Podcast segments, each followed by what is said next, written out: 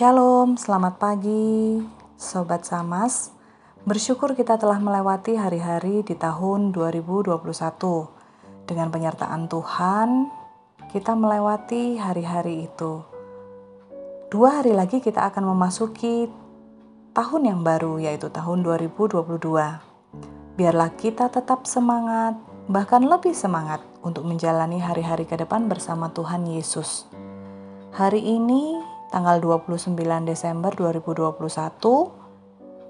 kita akan merenungkan firman Tuhan. Sebelumnya, mari kita berdoa. Tuhan Yesus, terima kasih untuk kasih-Mu yang kami rasakan setiap hari. Sehingga kami boleh menjalani hidup dengan penyertaan Tuhan Terima kasih untuk penyertaan Tuhan yang memampukan kami terus berkarya dan memuliakan nama Tuhan. Tuhan Yesus, sebelum kami memulai aktivitas kami sepanjang hari ini, kami mau merenungkan firman-Mu. Kiranya Engkau menolong kami untuk mengerti dan melakukan kehendak-Mu. Dalam nama Tuhan Yesus kami berdoa. Amin. Firman Tuhan hari ini terambil dari kitab 1 Korintus 3 ayat 10 sampai 17 dengan tema dasar dan bangunan. Saya akan membacakan bagi kita semua. Sesuai dengan kasih karunia Allah yang dianugerahkan kepadaku, aku sebagai seorang ahli bangunan yang cakap telah meletakkan dasar dan orang lain membangun terus di atasnya. Tetapi tiap-tiap orang harus memperhatikan bagaimana ia harus membangun di atasnya. Karena tidak ada seorang pun yang dapat meletakkan dasar lain daripada dasar yang telah diletakkan yaitu Yesus Kristus. Entahkah orang membangun di atas dasar ini dengan emas, perak, batu permata, kayu, rumput kering, atau jerami. Sekali kelak, pekerjaan masing-masing orang akan nampak karena hari Tuhan akan menyatakannya. Sebab ia akan nampak dengan api dan bagaimana pekerjaan masing-masing orang akan diuji oleh api itu. Jika pekerjaan yang dibangun seseorang tahan uji, ia akan mendapat upah.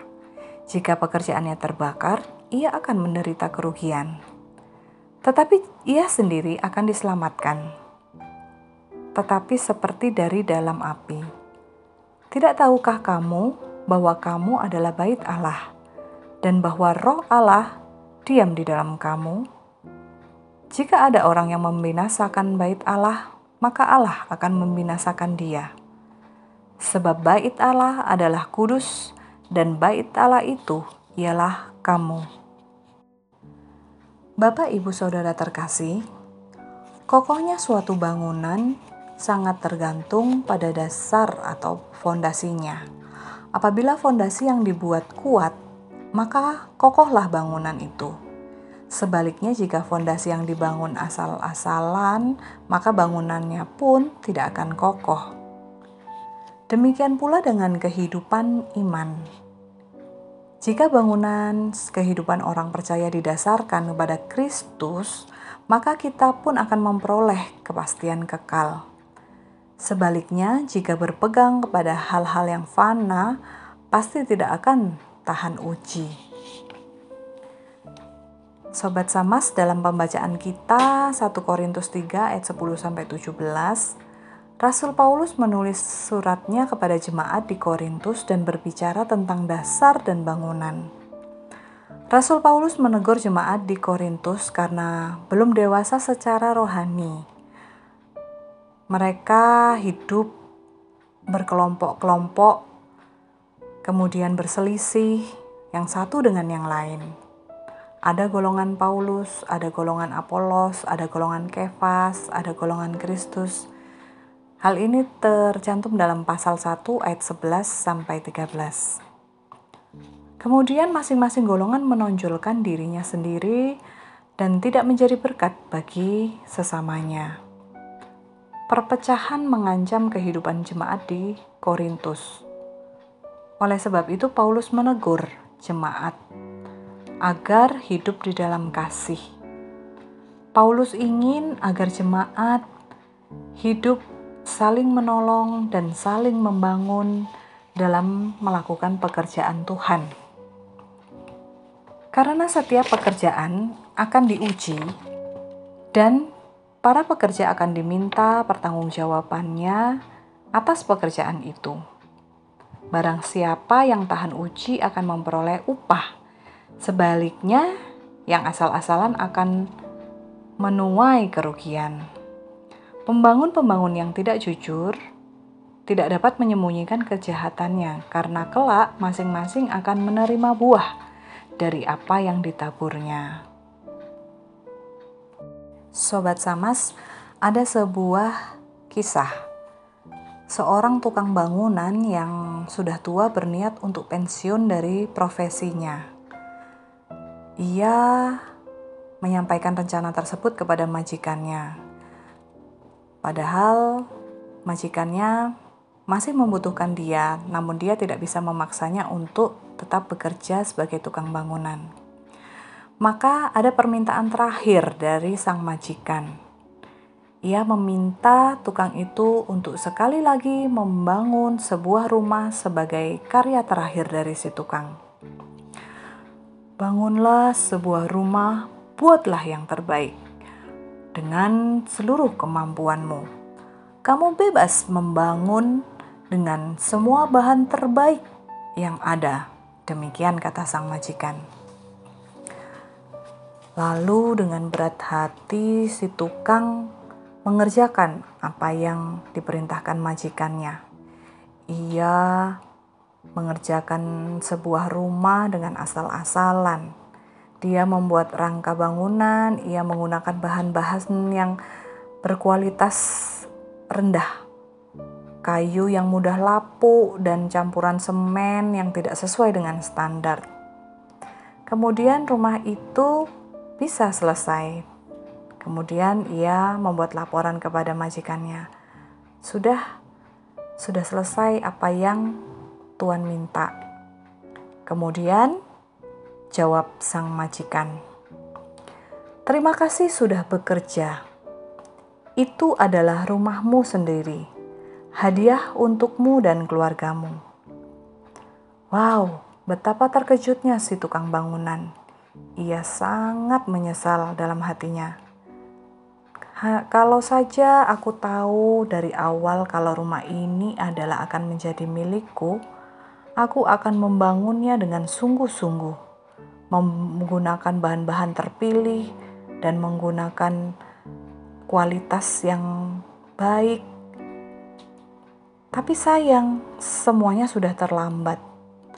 Si tukang bangunan menuai apa yang ditaburnya sendiri. Ia harus tinggal di rumah yang ia bangun dengan asal-asalan. Di dunia ini pun kita sedang membangun rumah kehidupan kita masing-masing. Bapak Ibu, apakah kita membangunnya dengan bahan-bahan yang asal-asalan atau kita membangunnya dengan bahan yang terbaik dan mengerjakannya dengan hal yang terbaik juga. Terkadang kita tanpa sadar atau dengan sengaja menjalani hidup ini dengan asal-asalan, menuruti keinginan hati kita tanpa menyadari bahwa hidup kita ini adalah anugerah Tuhan Misalnya kita bekerja dengan asal-asalan yang penting dapat gaji. Kemudian kita mengejar keuntungan padahal tidak melakukan hal yang terbaik. Kemudian kita melayani kalau ada waktu saja. Kita hidup menurut kemau kemauan kita sendiri dan melakukan apa saja tanpa takut kepada Tuhan. Tanpa kita sadari sesungguhnya kita sedang memakai bahan-bahan bangunan yang menyelakakan diri kita sendiri. Bapak, ibu, saudara terkasih, renungan kita hari ini mengingatkan jika Tuhan masih memberikan kesempatan buat kita untuk melakukan yang terbaik, syukurilah kesempatan itu. Selama masih ada waktu, kerjakanlah segala hal dengan tanggung jawab baik itu dalam rumah tangga, dalam pelayanan, dalam pekerjaan. mari kita kerjakan dengan sungguh-sungguh, karena kita tahu bahwa kita punya dasar yang baik, yaitu Kristus. Pekerjaan baik akan mendapatkan upah, pekerjaan yang tidak baik akan diabaikan dan dibinasakan. Mari kita berdoa. Terima kasih Tuhan Yesus untuk renungan kami pada pagi hari ini. Kami belajar tentang dasar dan bangunan. Kami berdoa ya Tuhan, berkatilah supaya kami masing-masing dapat selalu ingat bahwa dasar dari kehidupan kami adalah Kristus, sehingga kami selalu melakukan yang terbaik, mengerjakan yang terbaik untuk kemuliaan nama Tuhan. Dan terlebih lagi, kami boleh menjadi berkat bagi orang lain. Terima kasih, Tuhan. Berkati sepanjang hari ini dalam segala aktivitas kami, kiranya Tuhan tetap menyertai dan memberkati kami. Ampuni segala dosa dan kesalahan kami. Dalam nama Tuhan Yesus, kami berdoa. Amin.